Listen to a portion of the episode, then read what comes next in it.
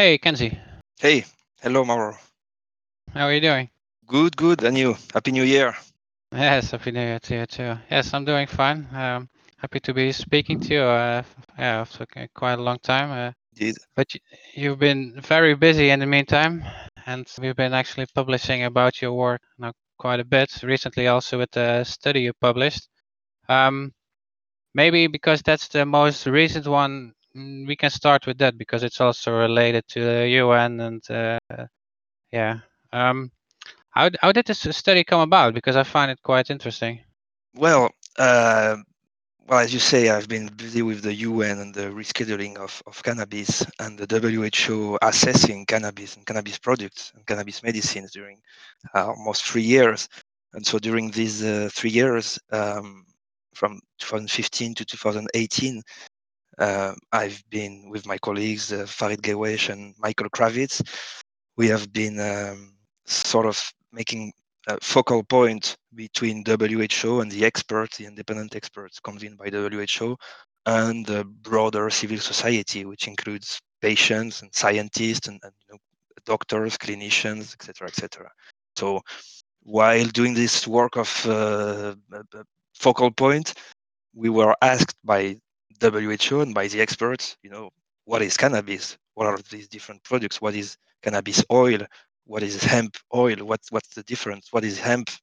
You know, these kind of questions that mm-hmm. we we might feel uh, are have clear and evident answers from our perspective because we are, you know, hemp farmer or whatever, and we are busy with our piece of of dealing with the cannabis plant somehow. But these are very complex terms to define and to explain, you know, based on evidence to people that are not knowledgeable of the cannabis plant and the cannabis, you know, the human activities surrounding the cannabis plant. So while being asked by WHO what is cannabis, we were in a position where it was actually hard to answer um, in a sort of neutral, evidence-based perspective. What is cannabis? Um, as we were discussing before, there was already a lot of uh, work being done on trying to find out the, the systematics and the taxonomy of the cannabis plant. So sativa, indica, the, you know, the different levels of, of classification of, of the plant within the, the, the tree of life, let's say. And that has been somehow addressed. There was a lot of confusion and it's being addressed by, by, by researchers and scientists. And we are little by little trying to understand more the taxonomy of, of the cannabis plant. But that has not been done for the products of the cannabis plant, the actual, you know, um, buds of weed, the actual hashish, etc., etc., the oils, the mm-hmm. extracts, concentrates, this and that, and the different cannabinoids.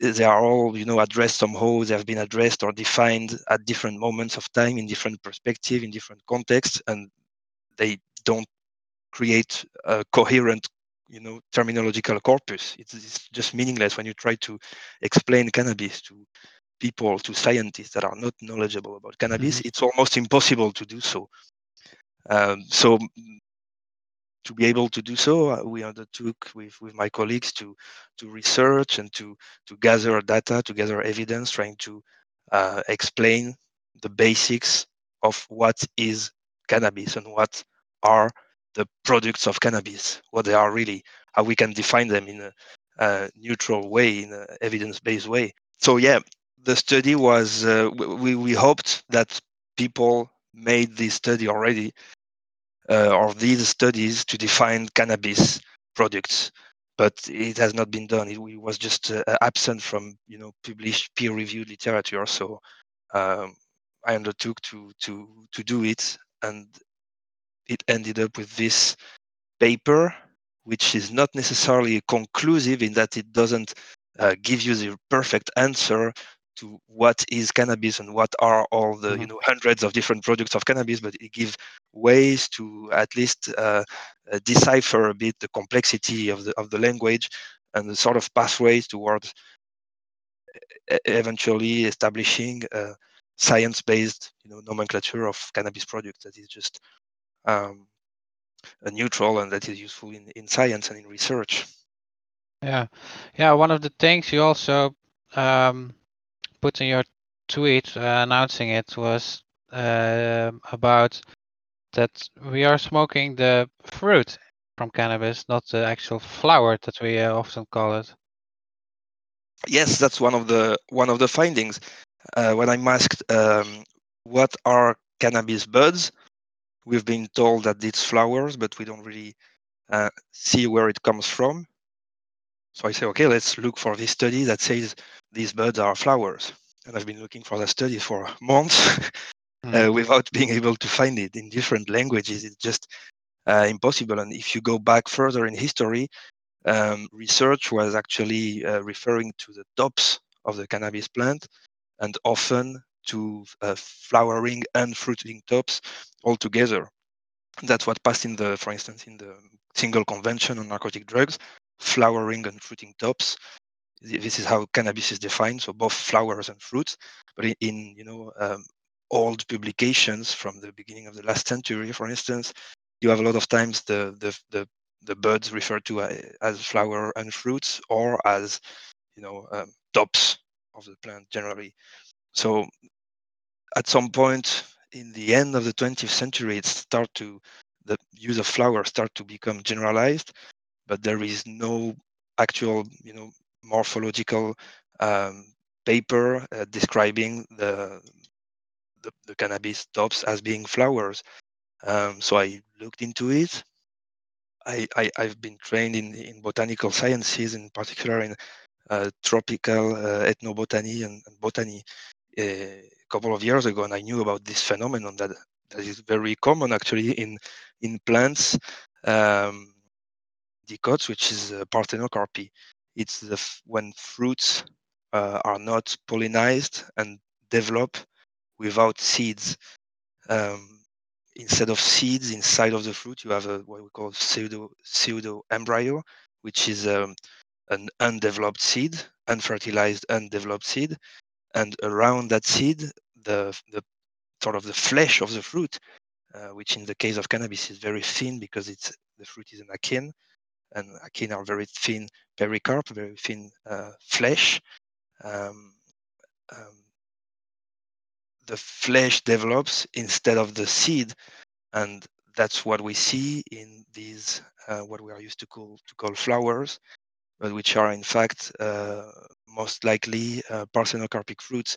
It's a, a, a, these were flowers in the cannabis plant during its growth. When the plant grows, at some point, it flowers. Uh, some plants flowers male, some plant flowers uh, female, right? Mhm. And then the male flowers uh, die after a couple of weeks, and the female flowers um, either they have been uh, pollinated, and in that case they will develop regular fruits, fruits with a seed inside, or they have not been pollinated, and they can die, or they can also develop as parthenocarpic fruits, seedless fruits. Um, it's very well known in Spanish as sin semilla. Sin semilla means seedless, Mhm. and uh, flowers just never bear seeds. It's always a fruit bearing a seed. So the only thing that can potentially be seedless is a fruit. Yeah. Um, so that, that's what we are dealing with. Uh, the tops of the cannabis plant at the moment where we harvest, it's way, way, way after the moment where the male flowers have died and have ceased to have this ability to pollinize their uh, female counterparts. And the female counterparts, they don't stay as flowers during months after their male counterparts have, have died. They develop into uh, into fruits. That's how it works with uh, with many many plants. I think the most famous are bananas, obviously. Mm. Bananas are parthenocarpic fruits, fruits with no seed inside. We have now uh, this technique of uh, forcing, inducing parthenocarpy in plants is used in, in other plants, for instance, um, watermelon um, or tomatoes to have, uh, uh, or even some grapes to have um, uh, fruits without uh, seeds Yeah. um, for, for market. And that's the same thing we are doing for cannabis. We are uh, blocking pollination. So the seed don't develop. And instead of the plant, instead of developing seeds in its fruits, will send its uh, resources towards developing the flesh of the fruit and uh, eventually developing the trichomes uh, that are covering the fruits and that contain the phytocannabinoid content. The, the, your study actually also made me, reminded me of this study that was done by Ethan Russo, in which he uh, said uh, the distinctions indica and sativa are total nonsense and uh, should not be used because, yeah, he says one cannot in any way currently guess the biochemical content of a given cannabis plant based on its height, branching, or leaf morphology. The degree of interbreeding hybridization is such that only a biochemical assay tells a potential consumer or scientist what is really in the plant. It is essential that future commerce also allows complete and accurate cannabinoid and terpenoid profiles to be available. And uh, yeah, I, I, I, thought it was good. Um, I thought it was excellent to yeah get rid of the bullshit that's also surrounding the, the cannabis topic. And uh, yeah, I'm uh, I'm really applauding your work here. Well, thank you, thank you, and yeah, indeed, it's definitely complementary. There are other studies like um, paper by McPartland, uh, John McPartland, in, in cannabis and cannabinoid research in 2018, uh, also in that same direction in deconstructing this, these uh, sort of myths of uh, sativas and indicas, which is indeed uh, absurd. Um, it might make sense from a cultural, you know, social cultural mm-hmm. perspective, but not not in marketing. Yeah, and not in yeah, absolutely, but not in research, no. uh, not in science. In science, we need to know that we are talking about concepts that are you know that relate to to, to reality that are not just uh, uh, experiences of, of of thinking. You know what I mean? Mm-hmm. So my paper goes in that same uh, that same direction, obviously, and it, it sort of answers. Um, I mean, 15 years ago, there was a paper in the BMJ's British Medical Journal. The mm-hmm. paper was very short, and I think it was even an editorial. It was called actually "Cannabis Confusions," uh, and the paper was just, you know, listing all of the confusions that we have in the field of cannabis and in particular cannabis research, uh, cannabis and cannabinoids research, because we have also a lot of terminological confusions around the, the cannabinoids and these uh, molecules. Uh, so that paper was sort of uh, making a to-do list of what we need to address in terms of, of cannabis confusion. Okay. And indeed, several researchers, Ethan Russo, McPartland, and, and, and many others, are trying to to overcome these these uh, uh, false concepts that are used in the term of cannabis. And sometimes it's very hard because people, I, I'm not really understanding why. Probably anthropologists or psychologists could help, but you see a lot of um, uh, uh, uh, I don't know people uh, sticking to terms that have been proven to to to be uh, meaningless or to be outdated or that you know mm-hmm. we can hardly re- continue relying on today. It can be sativa and indica. It can be you know the very use of marijuana or uh, defending that the, the birds are flowers without trying to you know bring botanical evidence toward this you know discussion. Just defending it because that's it. It's flower. It's sort of it's been like that. It must stay like that. Uh, it, i think it's sad to see so so much resistance uh, to uh, scientific findings among the cannabis the broader cannabis communities. And i hope uh, i hope this changes in the future. For sure. Now in december you uh, gained uh, international recognition when the New York Times uh, quoted you in their uh, reporting on the uh, reclassification of cannabis um, in the on the UN level. Um, that was obviously a, um, a big victory. Um, how did this? Yeah, you you explained a bit how this journey started and uh, who you worked with, but for many people, it's quite still unclear what actually happened. Um, can you uh, briefly explain, what this means? Well, briefly, I'm not sure I can do that briefly, but I will try. Sure. but um, yes, yeah, so um, in 2015, the uh, I mean, we have these treaties, right? These tre- these three mm-hmm. international drug control conventions it's a treaty, a set of three international law uh, instruments that regulate uh, cannabis and other uh, drugs. and it uh, particularly uh, regulates the medical and scientific uses with a different set of, of regulations, more or less stringent, more or less um, providing more or less facilities for government, more or less flexibilities for governments to provide access for patients and for researchers to, to these drugs. And um, and obviously some disposition on uh, prohibiting the uh, allowing countries to implement prohibition, etc., etc. So these treaties are uh, outdated; they need to be uh, revised uh, entirely. But it's uh, a, a, very complex, very complex work stream, let's say, to revise mm. these treaties. And so one of the one of the main milestone was in 2016, the United Nations uh, General Assembly that held a special session on the world drug phenomenon. And at that moment, it was hoped that the system would, would you know, at least recognize uh, that it's been fueling, uh, you know, violence and, and narco trafficking and, and you know, uh, pain and suffering uh, during 60 years, and mm-hmm. start a shift towards reform and toward, you know, uh, placing people and human rights at the center instead of of placing the war on drugs as a priority.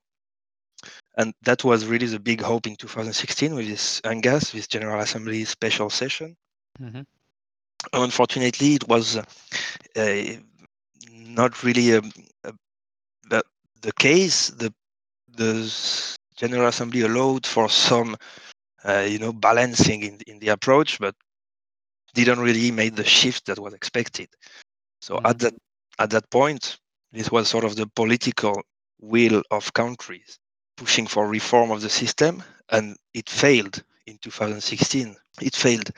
So with the two colleagues uh, that I mentioned previously, uh, Michael Krawitz from from Virginia in the United States and, and Farid Ghehiouèche from from Paris in France, um, we decided that um, strategically, the best way to push for changes was to use the systems present within the the mechanisms present within the system, within the treaty system, to um, uh, not necessarily reform it, but change it, make some move, you know, to have something moving, to have uh, to, to, to, to, to break the status quo, basically, that the General Assembly special session didn't manage to break. And so this cannabis was placed in 1961 in the highest level of the most stringent level of controls of regulation for medical and scientific uses. As I, I was saying before, the most strict, the one that recognizes the less therapeutic uses and that didn't recognize the, the legitimacy of therapeutic uses and that put a lot of barriers and red tape to access and to you know any any activity relating to medical access and even research cannabis was in that list, Schedule 4 of the 61 Convention, and it never moved out of that list. And the placement in that list was obviously just uh, nonsense. I mean, meaningless. It, it was not based on, on science. It was, uh, you know, a, a, political assertion by the by the world community in 1961. Let's place cannabis in this list and and let's move away from using cannabis in medicine and so on. Let's pledge that together. So you know, why not? There was these people hmm. in the past. That's hmm. not anymore the, the feeling of the international community. The feeling of the international community nowadays is, you know, we know it's a medicine. We start to reconnect with the past that it's been used in medicine in so many communities around the world for thousands of years. Um, and it's nowadays regaining legitimacy in medicine thanks to new research uh, that you know has broaden the spectrum of, of therapeutic application beyond the traditional uses of cannabis that we have known for centuries to a new series of, of more uh, you know more precise more defined set of, of therapeutic application. For instance um, epilepsy among others. Mm-hmm. um, and specific epilepsy uh, in specific populations. So this context makes the placement of cannabis in Schedule 4 totally uh, absurd and incoherent, yet there was a political consensus to not touch it. So, uh, because we, we were in 2016 at the moment of the General Assembly in a time of, of you know, the status quo has been somehow reenacted after 2016, we needed to um, um, bypass the political, you know, side of of things to to to to have the system change by another way, and that way was the technical, scientific side of things, which is WHO. WHO has a mandate under these treaties to a very narrow, very narrow mandate. WHO can do only very limited things, which mm-hmm. is change the, the scheduling of substances. So um, WHO has been willing to change the cannabis, the scheduling of cannabis for at least 15 years. They have been really willing to do something in that direction and to to to correct their record of of not assessing cannabis in 1961 and leaving it being scheduled without you know providing uh, scientific backing for or against it more likely. So they have been willing to correct this uh, uh, this fact for for the last uh, since the beginning of the 21st century basically. But unfortunately the political side of things had also hampered their ability to do so by you know uh, reducing funding to the committee of the WHO in charge of uh, substance assessment, etc., etc. Yeah. So our work, our work has been to reactivate that committee. I mean, to was obviously not only us, also people from inside WHO, people that are really uh, somehow heroes of you know human rights and right to to health um, from the inside and also people from from the outside uh, like us um, to reactivate that committee to re-give him his status within the international community which is being mandated to assess substances um, and uh, to put on its agenda the assessment of cannabis and cannabis products. So that's that's what we did. It took a lot of uh, time. It took between i mean basically since 2016 after the General Assembly, and it finally um, uh, concluded with. Uh, well, it first the first outcome was the World Health Organization making the assessment, making an extremely yeah. lengthy, lengthy and uh, you know uh, rich and, and, and, comprehensive assessment with uh, really trying to to bring a neutral, balanced approach. We were very critics of WHO at first and bringing a lot of criticism and but you know constructive criticism at the same time and mm-hmm. actually these were uh, taken into account and and the WHO corrected itself and you know it's been really um, uh, a positive uh, yeah. we, we, you know we, we, we defended the the fact that um, civil society should be not only able to participate but to uh, be heard by the expert and and you know to to apply for speaking to the expert and and, and bring back their testimony as patients, as, as physicians, etc., etc. So WHO actually opened the space, a space for civil society to do that, which was not the case before. So there's been a, a good dialogue and a positive, uh, uh, uh, somehow positive process of assessing cannabis, trying to really include all available information, both you know published literature, but also other other kind of, of evidence, uh, experiential evidence in particular. And uh, taking into account the long history of use of cannabis in medicine. Uh, in 2019, they finally released their outcome based on this assessment, saying indeed cannabis should be withdrawn from this Schedule 4, um, and it should be, uh, it is legitimate in medicine, and it should be made available uh, by countries, and we recall that countries have this obligation to provide access and availability of cannabis medicine for uh, of controlled medicine for for uh, therapy and uh, research. So this was uh, obviously a historical recognition yeah, of sure. the usefulness and legitimacy of cannabis in medicine by WHO However, after that, uh, the political side uh, came yeah. back again, and uh, this, uh, although WHO is mandated to uh, undertake these assessments, countries, governments, the politics have to uh, label it somehow to to to, to vote in favor of it, which is something kind of absurd, you know, voting in favor or against, you know, scientific findings doesn't really make sense. But no. you know, science should not be subject to ratification by by by you know politics. Uh, under the focus of the specific interests that are not necessarily public health interests. But unfortunately, that's how the system works. Yeah. So we we arrived with this very heavy, very powerful recommendation and, and you know a historical correction of the record by WHO in front again of governments couple of years after their their their refusal to to by themselves change the system. That time they had somehow a mandated a mandate, you know, to change the system and somehow a process of changing it that was already started because WHO, which is one of the treaty body, has already made this assessment and the recommendation. And there was a call for for votes, uh, and there was already a process of change taking place for the first time. So the last year has been uh, between 2019, the release of the outcome, and December, uh, December 2nd, 2020, the vote of, at the United Nations, the vote of government on Mhm. uh, the recommendation if to um, pass them into international law or not. Uh, we've been dealing with um, the worst, which is, you know, governments and politics uh, uh, discussing and criticizing and, and questioning uh, uh, science and questioning an extremely modest and uh, you know uh, incremental proposal for reform, an extremely consensual way forward proposed by WHO, mm-hmm.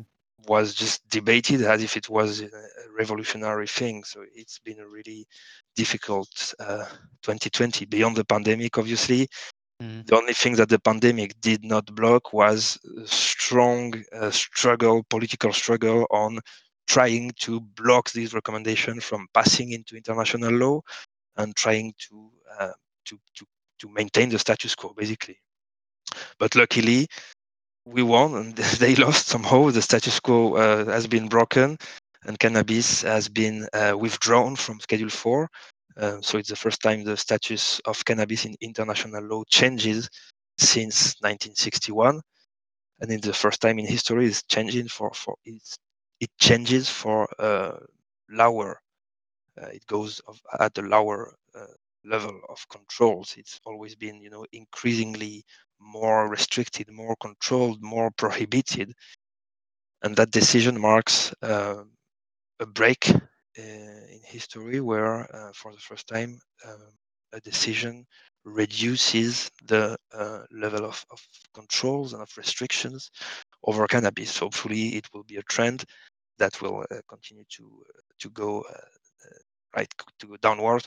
But we have to work on keeping the momentum and making this this decision be be continued, which somehow has already started. We've seen a couple of countries already taking action based on this decision, or not necessarily based on this decision, but taking the advantage of this decision to justify their their steps in reforming uh, medical cannabis laws in particular.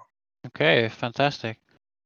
Yeah, and for the listener, exactly short what happens, it shows very well on your uh, CND monitor on your uh, website, is that cannabis and cannabis resin has gone from the Schedule 1 plus 4 to the Schedule 1 of 1961.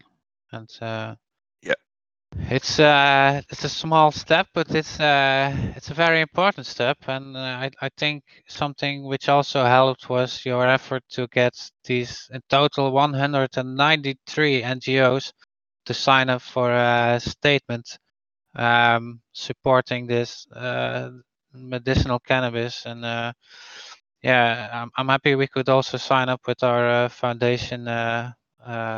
Verbond voor Opheffing van Cannabis, what our Union for Abolition of Cannabis Prohibition here in the Netherlands.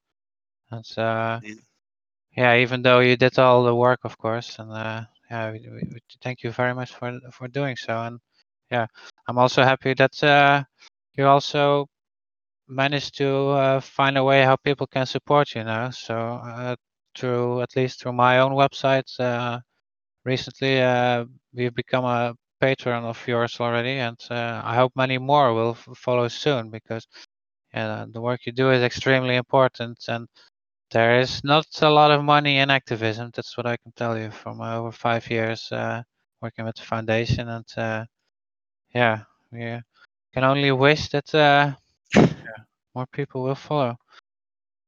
Well, indeed. Thank you already for for your support. And yes, indeed, uh, it's uh, all been independent research and independent action taken, and, and just traveling to Geneva and Vienna is, uh, you know, per se expensive, but needed for for this action and needed often. Sure. So, uh, yeah, support is uh, appreciated. Even you know, small support is always always something.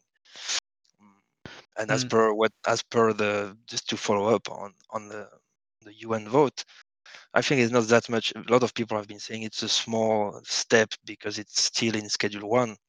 It's actually a huge step because Schedule Four is, you know, many people call it almost a prohibition schedule. It's the only place in the convention, in the description of what Schedule Four means, where you have the, the word prohibition, ex, you know, explicitly mentioned as you know allowing countries to implement full prohibition of, of the of the drug, and it's for drugs in Schedule Four.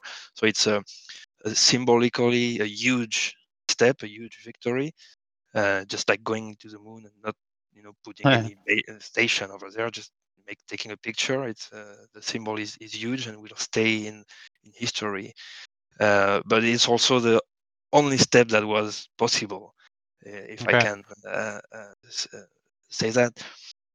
The convention is very strict with cannabis, and cannabis was in Schedule 4 and in Schedule 1, and it is still in Schedule 1. But the, to take cannabis out of Schedule 1, WHO could not do it alone. It was there is sort of a, a back door that, that, that places cannabis in Schedule 1 uh, anyway uh, in, uh, in the convention. Uh, cannabis is made for being in Schedule 1. And if you want to take cannabis out of Schedule 1, you need to uh, fully uh, reform the convention beyond just a change in scheduling. So it's uh, interesting to know it because a lot of people say, you know, WHO didn't go far enough because they didn't recommend taking cannabis out of Schedule 1. Well, actually, they could not do it, or they could do it, but it would have been just uh, uh, laughable because they don't have the, the mandate and the power to do so. Mm. But what is important to underline is that placing cannabis only in Schedule 1 and not anymore in Schedule 4, it now sort of uh, creates a pathway for the reform of the convention and a reform that would not only rely on cannabis, because obviously cannabis is a, a fantastic plant and has, you know, a, very low level of, of, of harms and can be, you know, really easily managed. So it has no uh, it should never have been you know associated with with so many uh, harmful substances placed in the convention. But yet in this convention we also have the coca leaf for instance or even the opium poppy uh, plant which are um, you know plants first of all uh, secondly traditional plants used in in, in communities uh, for a long time not only for for drugs both the coca leaf and the opium poppy. uh, and cannabis, uh, by the way, have industrial products used in, in food and cosmetics, etc. Traditionally, that are not you know, used as intoxicants somehow. Um, and so these plants also deserve a change of, of status or a different address. Where in the 21st century, we need, as I was saying in the beginning, to to revise fully these treaties. Uh, but we had this barrier of cannabis being somehow uh, except, exceptionally scheduled and, and placed in a, um, a, a, a, very distinct and complex um, scheduling status. It is still, but a, a, bit less.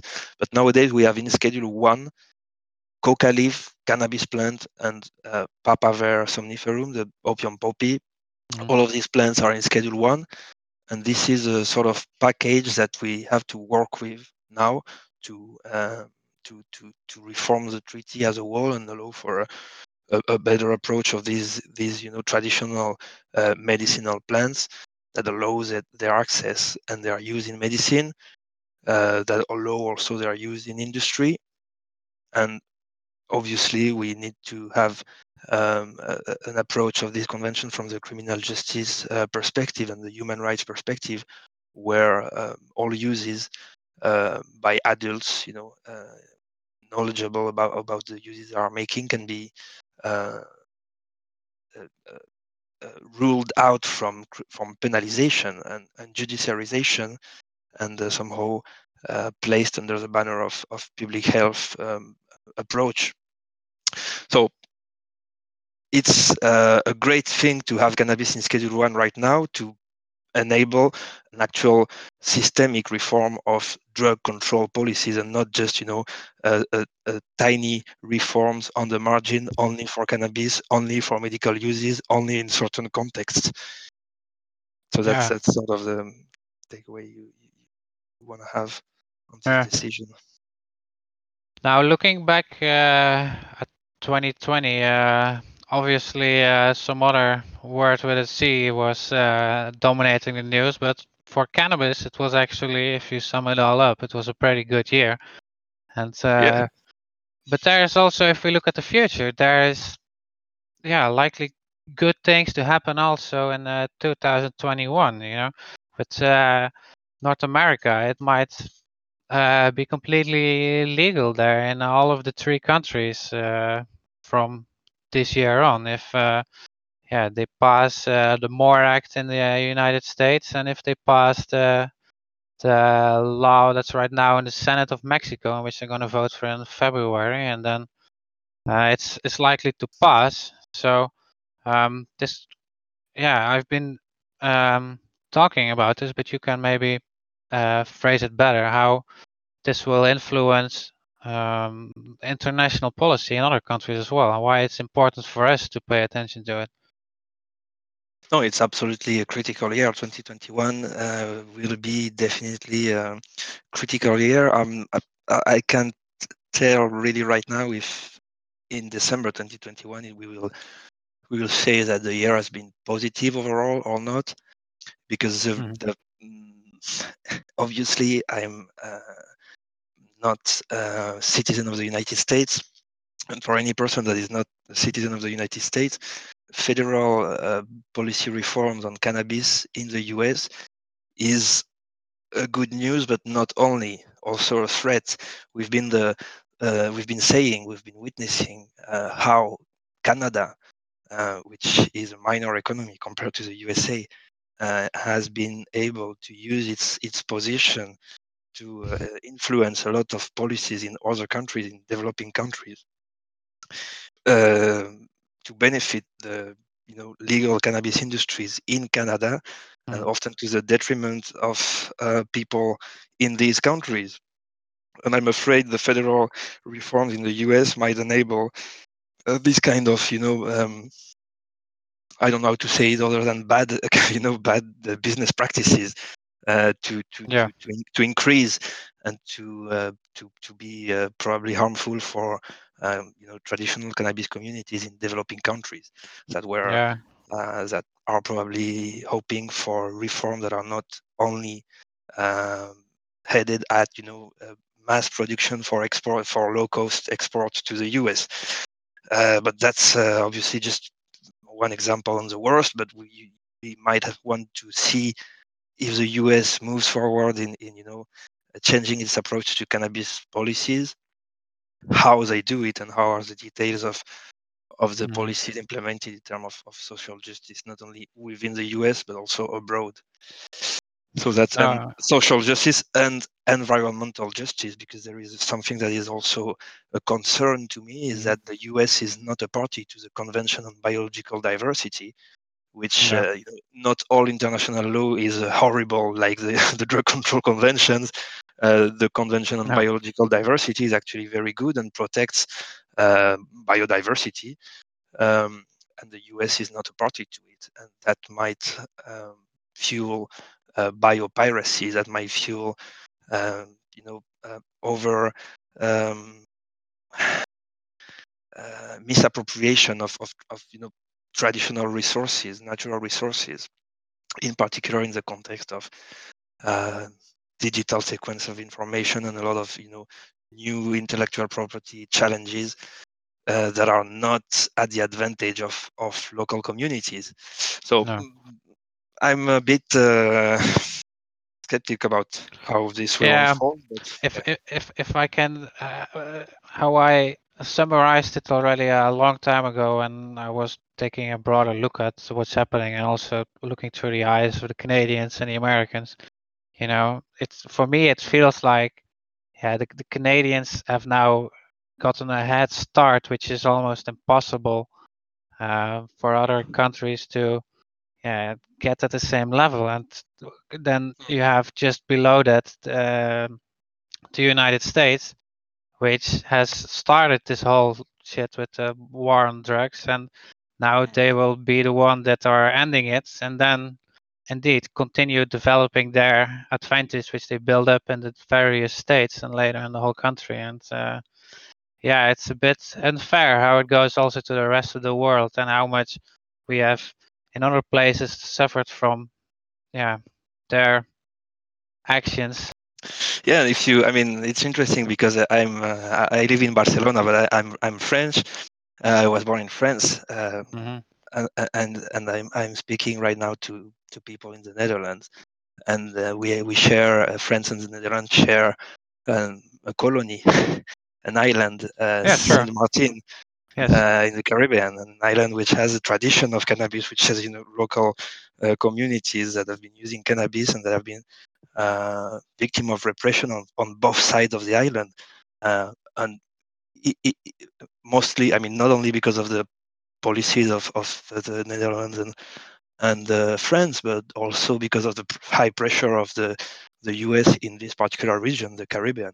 So these are uh, maybe uh, um, as we look to how 2021 unfolds, I think that these issues are are really critical because it might uh, I mean, we are in a context of a troubled world and troubled societies, and we, we want to, you know, um, not only make money but make a better world to make it, you know, to say it uh, shortly and easily. But that, that's that's what we are uh, aiming for. I think uh, a, a, lot of a lot of us in the in the world of cannabis, let's say, and so yeah, these details are are important and might become even more important in the future. Mm. Still, on the other side of the coin, I personally see it also in that, you know, if uh, indeed America goes through with their plans, Mexico goes through with their plans, The will, yeah, they started the war on drugs, like I said. Uh, they have some, yeah, something to build on, but indeed, uh, there is worry in that, in that they built on the wrong things. Absolutely. So so yeah, just being attentive. Indeed, it, it will. Uh, if the U.S. moves, it will force, or it will, you know, uh, make it be an invitation for other countries to move as well. But uh, if they move after, if they if they take time, and if they are uh, in the sphere of influence of, of, of, the U.S., it might it might be too late to to establish a strong, uh, uh, you know, national cannabis industry, and also to preserve the specificities of the cannabis uh, communities in, in different countries. Yeah. Not only in traditional, you know, communities, also in, uh, in in let's say consumer countries in urban areas. There is also what I consider traditional uh, culture uh, linked to cannabis uh, that need to be preserved. Also, also in the in the Western. Yeah, one of those uh, is actually you can find in Barcelona with the Cannabis Social Club. I'm sure you're sort of referring Absolutely. to. And in a way also the Absolutely the coffee shops we have here, of course. Now, um, yeah, the, the, the clubs in uh, Barcelona they were for a day, a couple days, they were uh, legal in Catalonia until the the referendum came, and uh, yeah, all the effort timeless effort that has been put into it by activists was pretty much gone. Have you any idea, you know, where where where they at now, or what they're if uh yeah Spain well, that's, going anywhere? Yeah, that, that's interesting because may, maybe the Cannabis Social Club is an example of, of, of the broader territorial problem in Spain. Spain is a very uh, strange country with you know uh, Catalonia and the Basque Country and, and uh, mm-hmm. very diverse uh, communities all around the country. And a very troubled history, obviously, recent history. Um, the cannabis, um, the law on cannabis club in, in, in Catalonia, in the Catalonia region, was passed by popular initiative. Uh, it needed 50,000 uh, um, signatures of citizens to, to be submitted to the parliament, and I think it had six, almost 70,000 signatures. And it was voted with a large majority in the parliament with a consensus among you know different political groups. Um, and so it was passed into law. And indeed, it was just before the referendum of independence, and just after the referendum, the law was cancelled uh, in a set of, of was cancelled by the central government of, of Madrid of Spain mm. uh, in a ser- in a series of of law of Catalan uh, regional laws that were cancelled, others on you know environmental protection and stuff like that, and uh, you know somehow the Catalan people have been seeking independence also because of that, because of their uh, inability to to regulate certain aspects of, of public lives that they would like to to to advance on, such as you know cannabis regulation, cannabis policy reform or drug policy reform generally, and the fact that they don't have the competence necessarily to do so, or if they do have the competence, there is always some sort of conflict with uh, with the central government and so it's both a, cause and the consequence no the, the, the mm-hmm. cancellation mm. of the law but uh, still the fact that the law was so broadly supported so broadly passed uh, uh into law and um, and uh, uh, so broadly uh, signed on by citizens um, is a reflect of the consensus that there is in the in the Catalan population, but in Spain generally, on the fact that it's always better to have a cannabis social club uh, that you can sort of deal with and, and, talk with, and you know that you can regulate and, and reduce the uh, effect that it will have on the neighborhood, than to have a, a, a point of, of, deal just uncontrolled and uncontrolled and and and uh, random. You know, so mm. there is a basic support for cannabis social club in, in Catalonia even though the law has been cancelled, it's still, you know, it's there is no particular huge repression on closing all the clubs, but it's we're in troubled times right now, and have to. I mean, I regret that during the pandemic, information has not been able to circulate that much, uh, but I know that during the last um, 10 months or so, a lot of clubs have been closed. A lot of yeah. uh, repression has happened. Yeah, they were not uh, named essential businesses like the coffee shops because they are not recognized as businesses in the eyes of the government. Absolutely, right? absolutely. And they are not businesses; they are uh, associations. So they are a group of, of, yeah. of users. So it was indeed difficult to establish. Some have tried to to keep open and have managed to to find a good consensus with lo- the local police, the local authorities, etc., etc., uh, to find a good rhythm or to make delivery or whatever to, to find a way forward. But they have been very limited, and some have tried to stay open and have been closed for that reason, and others have just been closed with apparently with no relation to the to the COVID pandemic, except maybe the fact that there was a window of opportunity to close some clubs that were not uh, particularly well uh, connected with, with, the local police, etc., etc. Okay.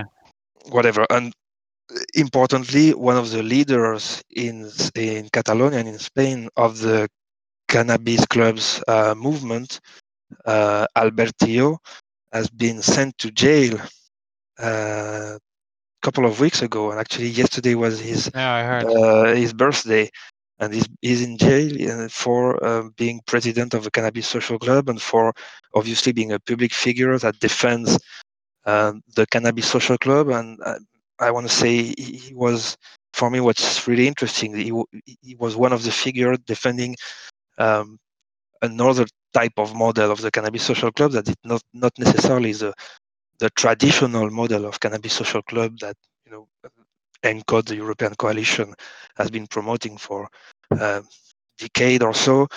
Um, he, he, was defending a model of clubs that is, you know, more adapted to including all the different uh, stakeholders of the cannabis world, to and sort of transitioning them towards transitioning them towards the the legal, uh, legally regulated cannabis social club model. So that included a, a, a you know adapting the the club guidelines so that it be more flexible so so that a, a, a more diverse um, background of people could could join this system and that participated to the the important number of cannabis clubs that there are in, in, Barcelona, but that also participated to uh, um, regulating actually de facto the the cannabis market in Barcelona by uh, by framing through the cannabis social club system many of the of the sort of proto clubs that were existing, which you know are unre- unregulated club people sort of sort of managing um, cultivation for a group of of buyers, uh, you know, a limited group of buyers, In the end, it's a cannabis social club, just you know, not uh, explicitly. So you just need to make it explicit to assist people in, in, in you know in finding the the pathways towards you know uh, presenting your association at the authorities and regulating your your activities. And you can just continue the same activities but legally regulated framed and obviously uh, bettering the the relationship with the with the neighborhood and with with the consumers as well bettering also the quality and the, the quality of the access reducing the risk for the the consumers providing for a safer sp- space for for access providing for also facilities that allow um, uh, uh, testing that allow you know a safer conservation of the product etc etc so this guy uh, defending um, sort of cannabis club 2.0 which is something great and which comes in sort of in complement of the traditional cannabis club model uh, this guy has been sent to jail and there are other people uh, at threat of of being uh, sent to jail uh, people also from the the more traditional let's say uh, approach to cannabis club more uh, smaller smaller smaller scale groups but also bigger also, like Dinafem Yes, absolutely. There is also Dinafem, which is a, a big seed company from the uh, Basque country. So yeah, it's uh, we are currently amidst a sort of um, slow but active repression of the cannabis mm. club and the broader cannabis communities in Spain, which is which is tragic. The other tragic thing is that we are, I mean, the government is a coalition between the, you know, the Socialist Party and Podemos, yeah. Um, so they are supposed to be themselves. They call themselves the most progressive government in the history of Spain, and it's quite strange to call yourself like that when you are uh, making so much repression and when a couple of days after the vote at the United Nations, and uh, just one year after the WHO recognizes that cannabis is useful and legitimate in medicine, to have the Minister of Health declaring that cannabis is useless in medicine, uh, thus adopting one of the most uh, uh, conservative position in the whole European Union. Okay. So uh, I don't really understand the political context of Spain right now, and I'm not sure anybody does. no, I, I understand. Yeah. Meantime, meanwhile, in uh, your home country, in France, uh, they announced last year that they are going to do an experiment with free medicinal cannabis for uh, 3,000 patients. Of course, if you ever have a story which uh, reads uh, free cannabis, then uh, people are going to read about it or they're going to publish about it. So many people have seen it. Uh, uh, what's your thoughts on this?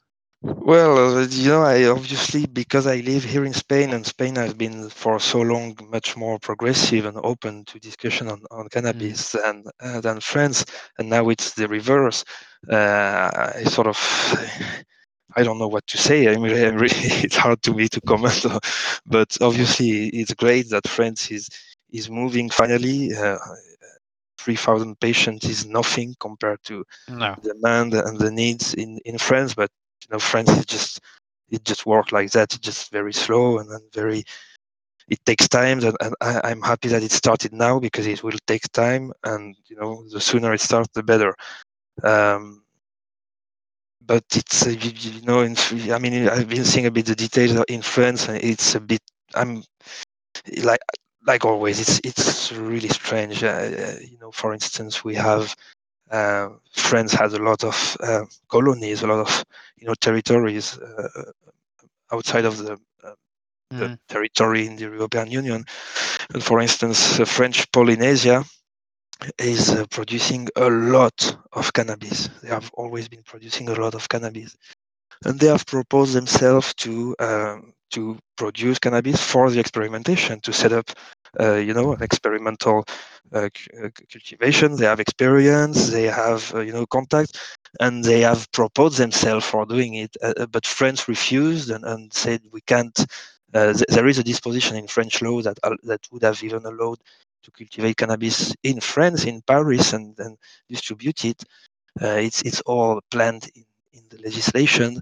Uh, yet they claimed it was not possible, not in France, not even in French Polynesia, and they they are they you know they refused to establish a, a, a cultivation linked to the experimentation. So they refuse to experiment the cultivation of cannabis, and they prefer to directly import products, which is uh, strange and doesn't really make sense. If you're experimenting, it's you should take the advantage of the experimentation to make uh, you know uh, at, at least a diversified uh, uh, supply and you know import part of the product and try to experiment the production of another part of the product. They didn't do that, so it's a first step. It's always good to see a first step, but we Mm. need a lot of a lot of steps to follow. Yeah, of course. Now, I think our listeners have been getting a lot of information. They will, uh, their brains will be on fire right now. So, uh, it's, it's, maybe best to uh, work towards an end. Um, but before we do that, I always ask my uh, guests uh, whether they would like to let our um, yeah my audience know something, or if they uh, want to share something, um, or if we forgot to talk about something. So that's question also for you. Wow, that's a huge open question. I'm not sure what to what to add. Did we forget something? Well, there is so much to say. I, I'm not sure we, Yeah, of course. probably forgot something, but right now I think we we have covered a lot. Um, yeah, I think the month of December, the decision in December has been huge. It's not been a small step, it's been a huge step. It's been the only step we could achieve, actually, and we achieved it in the best possible way, uh, which is struggling to have it during five years and finally winning it. Um, so we, we, we, we have to build on that. Um, we have to more move toward a broader reform of international drug of the international drug control system and and the pieces of international law that regulate it. And we have to pay attention in 2021 how um, regulations unfold at the national and you know, local level and how they uh, integrate or not the elements of uh, sustainable development that are critical uh, for for our societies, in particular social justice and environmental justice. Mm. Well, I want to thank you for taking the uh, time to have this uh, long due call uh, with me. And yeah, I, I wish you all the best in your future endeavors. And if there's anything, you can always reach out, and I will make sure to put all your information and links to your uh, website, your Twitter, your Patreon, in the description of the podcast. Great. Thank you. Thank you so much. Pleasure for me to to discuss with you. And I hope we can uh, meet in uh, real life. I mean, this is also real life, but in person somehow soon. Uh, and share some uh, parthenocarpic fruits. Yes, for sure. Okay. All right. Thank you. Thank you.